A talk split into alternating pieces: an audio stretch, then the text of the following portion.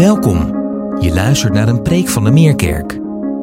Deze preek maakt deel uit van de prekenserie getiteld Ik Ben. We staan stil bij de identiteit van Jezus en hopen Hem nog beter te leren kennen. Wie is Hij toch? En wat zegt dat over wie wij mogen zijn?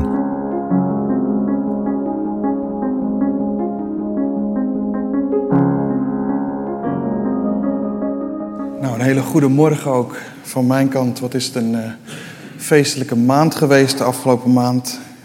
Eh, uiteraard mensen die hun zoveeljarig huwelijk vierden. Ik vierde zelf ook afgelopen week mijn verjaardag. Ook dank voor de berichten van sommigen die ik heb ontvangen. En ik herinner me nog heel goed dat er ooit een spreker was die regelmatig hiervoor ging. En als hij jarig was, dan ging hij preken.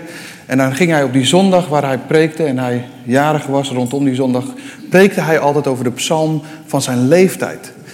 En ik dacht, dat wil ik eigenlijk ook doen vandaag. Maar later dacht ik, ja, psalm 23 is bekend bij velen van jullie. En ehm, ja, laten we het maar ergens anders over hebben dan. En zo is eigenlijk de nieuwe prekenserie ontstaan. En de prekenserie waar we het wel over willen gaan hebben, uh, dat is een prekenserie over ik ben. En Trea noemde het al, we gaan een aantal zondagen tot en met de kerst gaan we het hebben over uitspraken die Jezus over zichzelf heeft gedaan over ik ben. Maar we kunnen daar niet mee starten bij die uitspraken van Jezus als we niet eerst beginnen bij dat Bijbelgedeelte wat Trea met ons gelezen heeft. En het is een groot Bijbelgedeelte, maar het plaatst alles wat we in het vervolg gaan doen de komende weken, plaatst het in de juiste context. Want we moeten beginnen bij dit gedeelte wat Trea net met ons gelezen heeft. Het verhaal van Mozes, waar Mozes geroepen werd door God. Mozes, die velen van jullie dat verhaal kennen. Mozes die de eerste 40 jaar van zijn leven als prins aan het hof van de farao geleefd heeft. Daar uiteindelijk een fout begaat, misschien wel door iemand te vermoorden. En hij wordt gepakt. De farao wil hem daarover veroordelen. Hij vlucht, komt in Midjan terecht. Daar ontmoet hij zijn vrouw en zijn schoonvader. En de volgende 40 jaar van zijn leven is hij herder over de schapen van zijn schoonvader Jethro. Hij is dus 80 jaar. Mozes is 80 jaar. Als hij geroepen wordt door God. In dit wonderlijke verschijnsel, waarin hij een braamstruik ziet die in brand staat, maar door het vuur niet verteerd wordt. Dat is de plek waar God dan tot hem spreekt. En als je het verschijnsel van dichtbij wil bekijken, dan zegt God: Mozes, Mozes, kom niet dichterbij. Want de grond waarop je staat is heilige grond, is apart gezette grond. Dus trek je sandalen uit, trek je schoenen uit. En dan vertelt God daar over wie Hij is, over wat Hij heeft gezien, wat Hij heeft gehoord. Dat Hij, in een andere vertaling staat zo mooi, dat Hij daardoor afgedaald is om redding te brengen. Om door de woestijn heen het volk wat hem zo lief is, naar een beloofd land te brengen. Ik hoop dat als je dit verhaal goed gehoord hebt en misschien zelf al gelezen hebt, ik hoop dat je alleen in dat verhaal al iets van het evangelie hebt ontdekt. Over het zien en horen van ellende.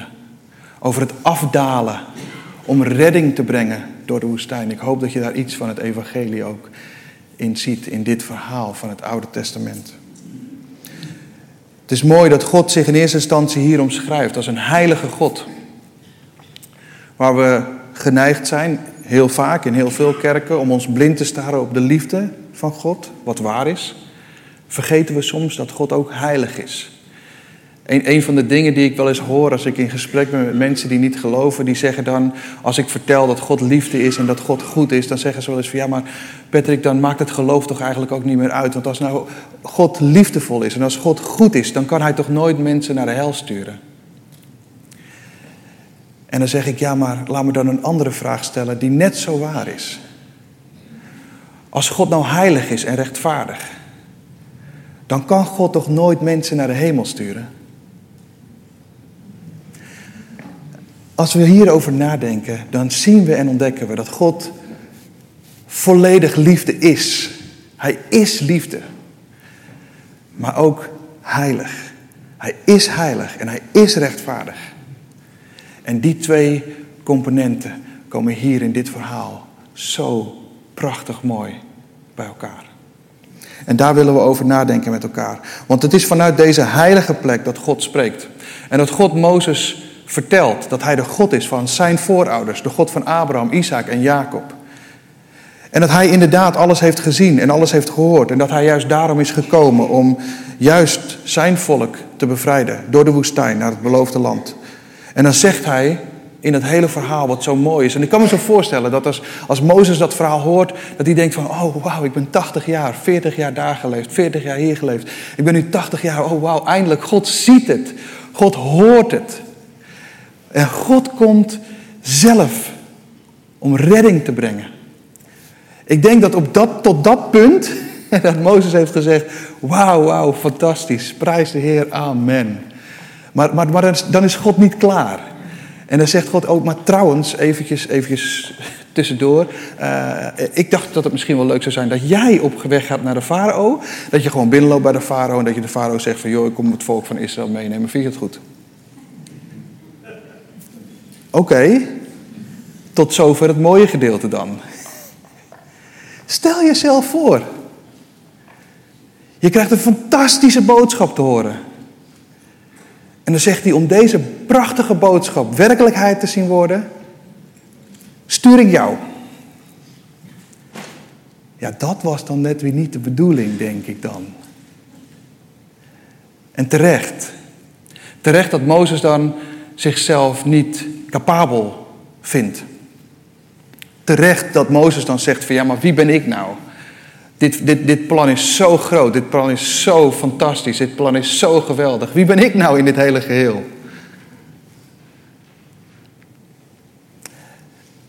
En terecht, wie is Mozes nou in dit hele geheel? En dat vind ik het mooie, ook hier in dit verhaal. Als God mensen roept, dan is hij natuurlijk op de hoogte van het feit dat je niet geschikt bent. Niemand hier. Ik ook niet. Niemand hier is geschikt om de roeping van God na te streven. Terecht dat Mozes zegt, wie ben ik? Maar dat maakt het zo wonderlijk. God is op de hoogte van het feit dat jij en ik niet geschikt zijn voor de roeping die Hij met ons leven heeft. Maar dat is ook helemaal niet het probleem. God zelf biedt daar ook de oplossing voor. Je bent ongeschikt. Maar omdat ik je roep, zegt God, maak ik je geschikt. En dat komt omdat ik je bijsta. Mozes, jij hebt helemaal niet de hoofdrol in dit verhaal. Jij hebt ook niet de regie in dit verhaal. Ik heb de regie. Ik speel de hoofdrol. En ik heb een bijrolletje voor jou apart gelegd. En dat bijrolletje is naar de farao gaan en mijn volk opeisen om ze uiteindelijk te leiden naar een beloofd land. Wauw. God heeft de regie. Hij is de hoofdpersoon. En voor ons is er een bijrolletje. Nou, ik wil niet mensen hier gelijk het idee geven, zo deze zondagochtend, dat je onbelangrijk bent. Maar ja. Eigenlijk ook wel. Want als het gaat om het vervullen van Gods plannen met deze wereld, prijs de Heer dat het niet afhangt van jou. Moet je je voorstellen dat jij je dag niet hebt, of je de week niet hebt, of je maand niet hebt. En dat dan Gods plannen die Hij heeft met deze wereld in duigen valt. Dat is gewoon niet waar. Het is genade dat Hij ongeschikte mensen roept om Zijn perfecte plan te voltooien. Wat een wonder. God is niet in de problemen als wij onze dag niet hebben. Echt niet. God kan het echt zonder ons. Sterker nog, soms denk ik wel eens, laat ik, laat ik het bij mezelf houden. Soms denk ik wel eens, God zou het veel beter kunnen zonder mij. Maar hij wil het niet.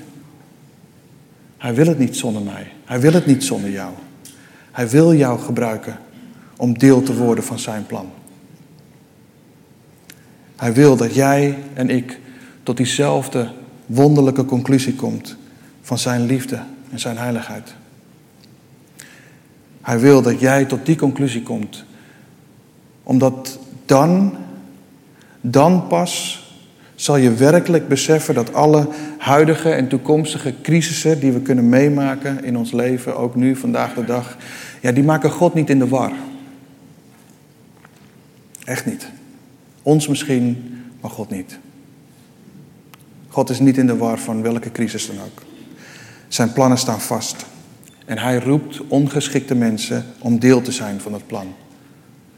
Hij roept jou en mij in zijn heilige nabijheid. Om daar te komen, om daar rust te vinden, om liefde te vinden, kracht, bemoediging, herstel, vrede. En om vanuit die heilige plek zijn roepstem te verstaan. Om samen te bouwen en op Hem te vertrouwen. Omdat je weet dat Hij is wie Hij zegt te zijn. Ik ben die ik ben.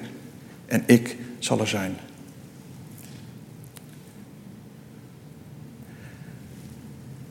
God speelt de hoofdrol en heeft de regie. Niet wij. En daarom gaat deze roeping van Mozes ook veel meer over wie God is dan over de opdracht die Mozes kreeg. En dat vind ik ook het wonderlijke. Blijkbaar staat efficiëntie niet heel erg hoog op Gods agenda als je beseft dat hij jou en mij roept om deel te worden van het uitvoeren van zijn plan. Echt efficiënt, ja, misschien niet. Maar wonderlijk is het wel. Zo'n grote God die ongeschikte mensen kiest om daar deel van te worden. En dat neemt al die vragen die Mozes heeft, neemt niet weg dat die misschien wel terecht zijn.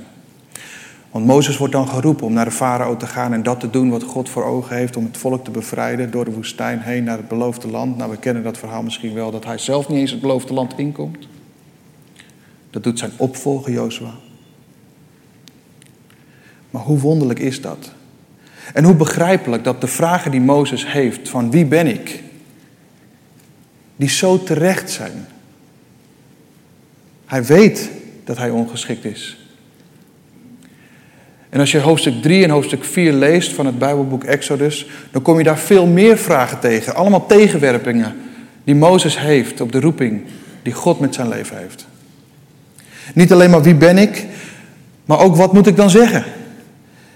En hij is ervan overtuigd dat ze hem niet zullen geloven, dat die God hem ook gestuurd heeft. En dan vertelt hij uiteindelijk dat hij ook nog eens geen spreker is. Dus dan kom ik daar en ik heb een spraakgeblek en ik weet, ik weet niet eens hoe ik dan de vader moet overtuigen met mijn spraakgeblek. En dan, en dan zegt hij van ja, oh, heer, alstublieft, kies toch iemand anders om te gaan.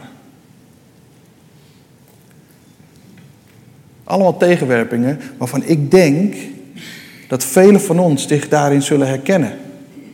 Als God je roept ergens voor, dan denk ik dat velen van ons, inclusief ikzelf, allerlei argumenten hebben om daar niet gehoorzaam aan te zijn. Want het is nogal wat.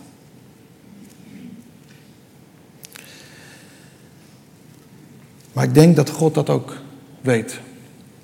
Sterker nog, ik ben er ergens van overtuigd dat God dat juist verlangt. Dat God verlangt ernaar dat mensen heel goed beseffen dat ze het zelf niet kunnen. God verlangt naar mensen die onzeker zijn. God verlangt ernaar dat mensen niet alleen onzeker zijn, maar zichzelf ook als ongeschikt bestempelen.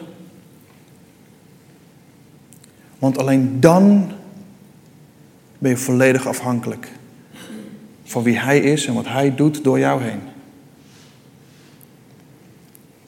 Dus nogmaals terecht dat Mozes allerlei vragen stelt. Maar hoe bijzonder dat de schepper van hemel en aarde ervoor kiest om jou en mij als ongeschikte mensen te kiezen. Om deel te worden van zijn plan. En hoe bijzonder dat als je dat weet en je volledig in afhankelijkheid van Hem leeft, dat Hij jouw leven wil leiden. Dat Hij nooit van je zijde zal wijken. Dat je niet bang hoeft te zijn. Dat je je niet hoeft te ontmoedigen. Want Hij is bij je. En dan stelt Mozes die ene vraag. Wat nou als ik ga? Stel je voor dat ik ga. En dat ik bij de farao aankom. En dat ik allerlei mensen tegenkom die vragen stellen. Ja, welke God stuurt je dan? Wat moet ik dan zeggen? En dan zegt de Heer dit. Als je daar komt, zeg maar dit. De persoon die jou gestuurd heeft is dit. Zijn naam is Ik ben die ik ben. Zeg maar tegen hen, ik ben, heeft mij gestuurd. En dat is de naam die God zichzelf geeft. Ik ben die ik ben, ik zal er zijn. Dat is eigenlijk super vaag. Ik, ik, ik, ik bedoel, ik, ik ben niet zo goed in Nederlands, maar soms denk ik, dat is toch niet eens Nederlands? Laat staan Hebreeuws. Nee, maar dat is niet eens Nederlands. Ik ben die ik ben, oké. Ja. Maar zo omschrijft God zich. En met deze omschrijving die God zichzelf geeft, zegt hij: Ik ben die ik ben. Ik heb geen begin en ik heb geen einde. Ik bestond voordat alles ontstond. Ik heb geen maker, ik ben de maker. En dat plaatst God per definitie buiten de tijd, ruimte en materie. En dat is de manier waarop God zich kenbaar maakt. Gaat ons verstand zo ontzettend ver te boven. Maar ik denk dat als je gaat ontdekken dat dit is zoals God zich kenbaar maakt, als je Hem kent voor wie Hij werkelijk is en zoals Hij zich omschrijft, dan denk ik dat in onze huidige individuele en ook maatschappelijke situatie waarin we zitten, onze identiteitscrisis, waar zo ontzettend veel mensen mee te maken hebben, dan denk ik dat dat goed is om te weten. Dat niemand van ons ten volle en ten diepste zal weten wie hij of zij zelf is, zonder te weten wie God is. Als je niet weet wie God is, zal je ook niet weten wie je zelf bent. Het is de moeite waard om te onderzoeken wie God dan is. Om Hem te kennen voor wie Hij is. Er zijn veel mensen die geloven dat er een God is en dat er een God bestaat, maar geen idee hebben wie dat dan is. Er zijn heel veel mensen die heel veel kennis hebben over wie Jezus is, maar Jezus zelf niet kennen. Ken jij deze God? Ik moest denken aan een verhaal wat ik jaren geleden een keer hoorde van een journalist uit Houston, Texas. In de tijd dat de doodstraf daar nog regelmatig gegeven werd. En deze journalist wilde een artikel schrijven, een onderzoek doen naar wat het nou betekent voor iemand die veroordeeld is tot de dood. En die dus op de death row terechtkomt, op de dodencel terechtkomt. En hij wilde daar een artikel over schrijven, een onderzoek naar doen. Wat ervaart zo iemand nou die daar zit en die weet, het einde, het einde is nabij. En hij besloot om de directeur van die gevangenis, om die te benaderen. Om te kijken wat ze konden doen om niet alleen maar dat artikel te schrijven en daar allerlei informatie over in te winnen, maar om zelf ook deel te worden van een dodencel. Om in ieder geval helemaal in de huid te kunnen kruipen van een gevangene die ter dood veroordeeld is. En daar ging de directeur mee akkoord. En wat er gebeurde was dat de directeur zei tegen deze journalist: laten we het alleen houden bij onszelf. Niemand mag weten dat dit is wat wij gaan doen. De directeur vertelde hem dat hij alles ging doen om de papieren in orde te krijgen, dat hij helemaal de gevangene zou worden die de bewakers in ontvangst zouden nemen. En ze hadden geen idee dat het een journalist was, maar echt een moordenaar was. En zo hadden zij een deal met z'n tweeën gesloten. Jij vertelt niks en ik vertel niks. Want alleen dan, als je in de cel komt, alleen dan zullen de bewakers jou behandelen zoals een gevangene echt behandelen die op de dodencel terechtkomt. Alleen dan zullen de gevangenen jou behandelen zoals ze andere mensen behandelen die op de dodencel terechtkomen. Dan, dan ga je echt iets meer proeven, zal maar zeggen, van wat het betekent om daar te zitten. En zo gezegd, zo gedaan. En ze hadden een week uitgetrokken. Hij ging de gevangenis in en werd helemaal als een moordenaar behandeld. Een moordenaar die op het punt stond om ter dood veroordeeld te worden aan het eind van die week. En de bewakers behandelden hem inderdaad als moordenaar. En de medegevangenen behandelden hem inderdaad als moordenaar. En hij kreeg iets meer kennis over wat er daar gebeurde en wat een gevangene zou moeten voelen als hij in de dodencel terecht kwam. Maar hij was ook blij dat het eind van de week naderde, want hij wist natuurlijk ook, ja, dan ben ik gewoon weer vrij en kan ik mijn artikel schrijven. En op de laatste dag kwamen de bewakers binnen met een rouwband. En hij vroeg aan die bewaker, wat is er gebeurd? Wat waarom heb je een rouwband? Is dat omdat ik vandaag ter dood veroordeeld word? En toen zei die bewaker, nee, nee, nee. De directeur is doodgevonden.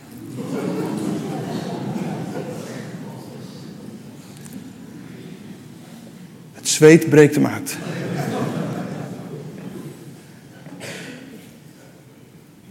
Nu werd hij echt angstig.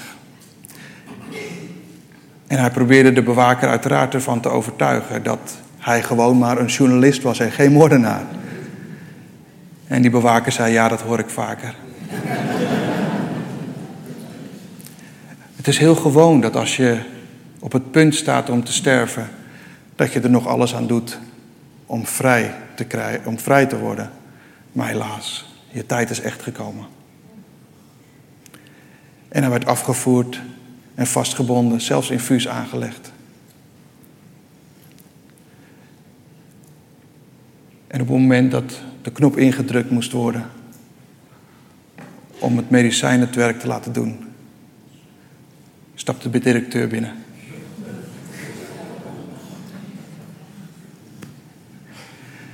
Nu weet je echt wat het betekent om in de dodencel te zitten. En toen ik dit verhaal hoorde, dacht ik, ja, dat is het wel. We kunnen zoveel weten. We kunnen aan de directeur vragen hoe het is. We kunnen zelfs aan gevangenen vragen hoe het is. We kunnen, we kunnen, we kunnen, we kunnen, we kunnen zelf de Bijbel lezen. We kunnen aan andere mensen vragen wie Jezus is. Maar het hoeft niet zoveel te zeggen. Dan hoef je niet echt te hebben beleefd wat het is. Om Jezus te leren kennen voor wie hij werkelijk is.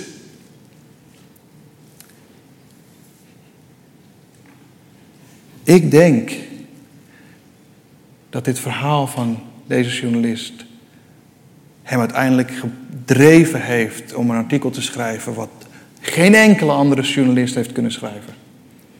Want hij heeft werkelijk ten diepste beleefd wat het is om daar te zitten. En op het punt te staan om te sterven. Ik hoop dat jij op die manier Jezus kent. Niet informatief, maar transformatief. Dat je Hem kent voor wie Hij werkelijk is, zoals Hij zich omschrijft. Als ik ben die ik ben, die er altijd is en altijd zal zijn. Een ander ding wat ik geregeld doe als er mensen naar me toe komen die willen trouwen, dan heb ik uiteraard een trouwgesprek. En, en niet, niet in alle gevallen doe ik dit, maar in enkele, enkele gevallen heb ik ook een, een soort uh, een aantal ontmoedigingsvragen. En uh, om echt te weten van, joh, hoe diep zit het nou echt, weet je wel? Jullie zijn verliefd en fladdertjes en vlindertjes en dingetjes. Maar hoe diep zit het nou echt? En, en dan probeer ik een beetje te prikkelen. Niet hopend natuurlijk dat ze uiteindelijk zeggen van... nee, inderdaad Patrick, dankjewel, je hebt mijn ogen geopend. Uh, we, zien er toch vanaf. Uh, nee, dat niet natuurlijk, dat is niet mijn doel. Maar, maar om af en toe even te kijken en te prikkelen van... Joh, hoe diep zit het nou echt? En dan, en en dan, en dan vraag ik van... Joh, waarom wil je nou met die andere persoon trouwen? Waarom wil je met hem trouwen? En dan krijg ik wel eens te horen, ja, dat is omdat hij zo, uh, hij is zo atletisch gebouwd, zo, zo mooi. En zeg ik, ja joh, weet je, ik, ik ken mensen in de kerk die atletischer gebouwd zijn dan hij. Ja, maar hij is ook, hij is ook gewoon zo knap, weet je wel. Ja, ja, ja, ik, ik ken mensen die echt veel knapper zijn dan hij. Ja, maar hij is ook intelligent. Zeg ja, ja, ja, dat snap ik. Maar ik ken mensen. Die zijn echt intelligenter dan hij. Nou, als dan nog steeds het verlangen is om te trouwen, denk ik, wauw, fantastisch. Daar wil ik mijn zegen wel over uitbidden. Maar ik hoop dat je tot inzicht komt en dat je weet wie hij of zij is. Dat je weet met wie je trouwt. Waar je ja tegen zegt. Los van zijn uiterlijk, los van intelligentie, los van atletische bouw. Dat je echt trouwt omdat je hem of haar kent.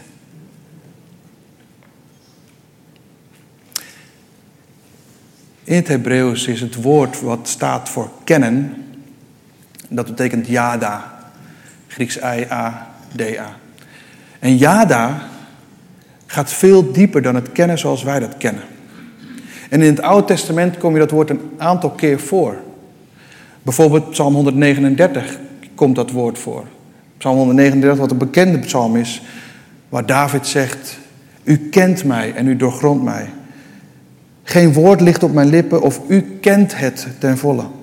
Wonderlijk zoals u mij kent, het gaat mijn begrip te boven. Dat kennen gaat veel dieper dan het oppervlakkige kennen. Dat kennen, dat legt de basis voor vertrouwen. Vandaar dat Psalm 9 ook zegt: Wie uw naam kent, kan op u vertrouwen. Dat kennen is hetzelfde woordje jada. Wat veel dieper gaat dan oppervlakkig kennen. Maar echt iemand kennen, intiem iemand kennen zoals hij is. Ken jij die God die zich openbaarde aan Mozes als ik ben die ik ben? Als je dit leest, zie je niet alleen maar in Exodus het evangelie terugkomen. Maar je ontdekt ook, als je het verhaal van Mozes goed leest, dan ken je iemand anders daarin. Mozes had hier niet zomaar een ontmoeting met een engel van de Heer, hij had een ontmoeting met de Heer zelf. Hij die zichzelf omschreef als de ik ben in de roeping van Mozes, die omschrijft zichzelf als de ik ben in het evangelie van Johannes. In Johannes hoofdstuk 8, daar vertelt Jezus over wie hij is als de ik ben. En Johannes 8 is een lang hoofdstuk, maar het start het start met de schriftgeleerden en de fariseeën die een vrouw naar hem toe brengen die overspel heeft gepleegd. En dan zeggen ze, ja, op basis van de wet van Mozes mogen we deze vrouw stenigen, want ze is op heterdaad betrapt van overspel. En dan zegt Jezus die, die hele bekende woorden, oké, maar wie zonder zonde is, werpen dan de eerste stenen. En ze druipen allemaal één voor één af. En dat is het begin geworden voor een discussie die ontstaat tussen de fariseeën en de schriftgeleerden, wat uiteindelijk terechtkomt bij de discussie tussen wie hij is en wie Abraham is. En zij achten Abraham belangrijker dan Jezus zelf op dat moment. En dan zegt Jezus in vers 58 dit. Ik ben al van voordat Abraham werd geboren. Jezus maakt hier duidelijk in vergelijking met Abraham dat toen Abraham ontstond, hij al eeuwig bestond. Jezus identificeert zich hier met de ik ben die zich openbaarde aan Mozes. Je zou kunnen zeggen, Jezus is degene die hier God een gezicht geeft. Jezus zegt, wie mij heeft gezien, heeft de Vader gezien. Hij en ik zijn één. De ik ben die Mozes riep om te doen wat hij wilde, is dezelfde ik ben die de hemel heeft, heeft verlaten en afgedaald is om redding te brengen aan een volk dat hem zo lief is. Om dwars door de woestijn heen jou en mijn leven te brengen naar het beloofde land, naar het nieuwe Jeruzalem waar we net over gezongen hebben. Zie je de overeenkomsten tussen het verhaal van Exodus en wat Jezus heeft gedaan en wil zijn nog steeds in ons leven, hier vandaag de dag? Hij is dezelfde. Gisteren, vandaag en tot in eeuwigheid is die Jezus hetzelfde. Impliciet zegt Jezus hier, de God waar Mozes mee sprak toen hij geroepen werd om het volk van Israël te bevrijden, dat was ik. Ik riep Mozes toen en ik roep jou nu. Ik was het die Mozes bijstond toen en ik ben het die jou bijstaat nu. Ik ben dezelfde. Ik zag toen het leed en ik zie nog steeds het leed, ook van jou. Ik hoorde toen de jammerklachten en ik hoor ze nog steeds, ook van jou. Ik was toen bereid om de hemel te verlaten en te spreken tot ongeschikte mensen en ben dat nog steeds. Ik riep ongeschikte mensen en ik roep nu nog steeds ongeschikte mensen, dus ik roep ook jou. Ik bracht toen redding en ik red nog steeds mensen vandaag de dag. Ook jou. Ik stond toen de mensen bij en ik sta vandaag de dag nog steeds de mensen bij. Ook jou. Dat is het evangelie. Jezus is dezelfde.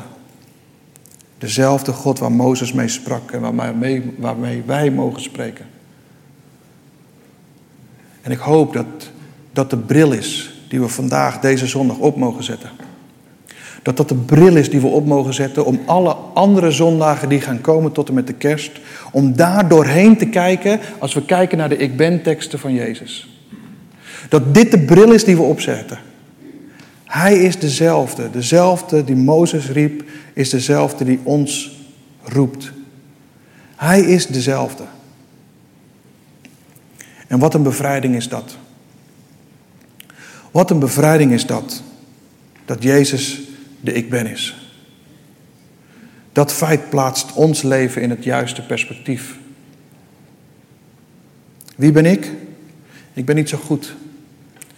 Maar ik ben.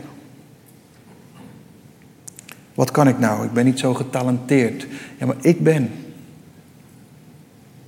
Wie wijst, wie wijst mij dan de weg? Ik ben. Wat als angst me overvalt? Ik ben. Wie beschermt mij? Ik ben. Wat als ik faal? Ik ben. Waar vind ik rust? Ik ben. En wie gaat er altijd met me mee? Ik ben. Want ik ben die ik ben en die er zal zijn. En dat is mijn eeuwige naam. Ik wil vragen of de band alvast naar voren komt om straks dat lied met elkaar te zingen. Ik ben die ik ben, is mijn eeuwige naam. Weet je, we leven in een tijd vandaag de dag, en dat hoef ik jullie allemaal niet te melden, maar ik ga het toch doen. We leven vandaag de dag in een tijd waarin vele, vele, vele mensen voor van alles en nog wat de straat op willen gaan. We hebben voor elke gelegenheid wel een crisis die we voor ons karretje kunnen spannen. Want ja, we moeten toch van ons laten horen.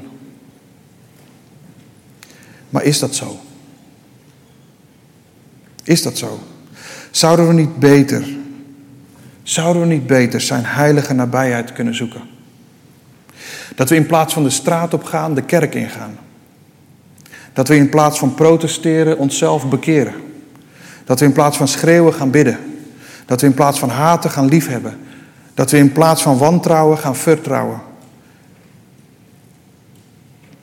God is de controle niet kwijt. Veel mensen zijn Hem kwijt. Kom daarom terug en zoek Zijn nabijheid. Erken Zijn heiligheid en word geraakt. Word geraakt door Zijn liefde en weet je geroepen om samen van die liefde te getuigen, opdat vele mensen gered zullen worden en het beloofde land op een dag in zullen gaan. En laat je daarbij door niets of niemand ontmoedigen. Blijf trouw en besef dat Hij je bijstaat. Dat Hij voor je uitgaat. En dat Hij geen moment van jouw zijde zal wijken. Want Hij is. Ik ben. Zullen we een moment nemen om samen te bidden.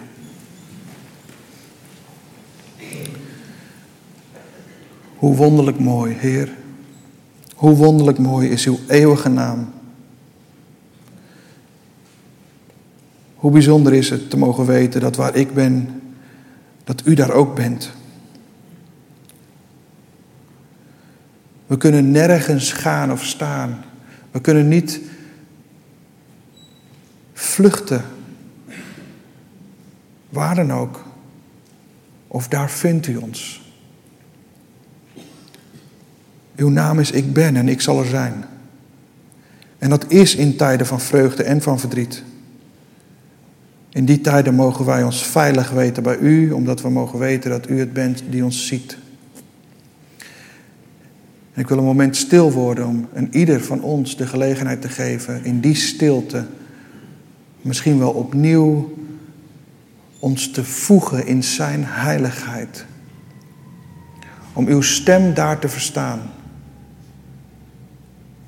Welk ons hart raakt en ons leven in beweging zet. Spreekt u tot ons zoals u sprak tot Mozes in deze momenten van stilte.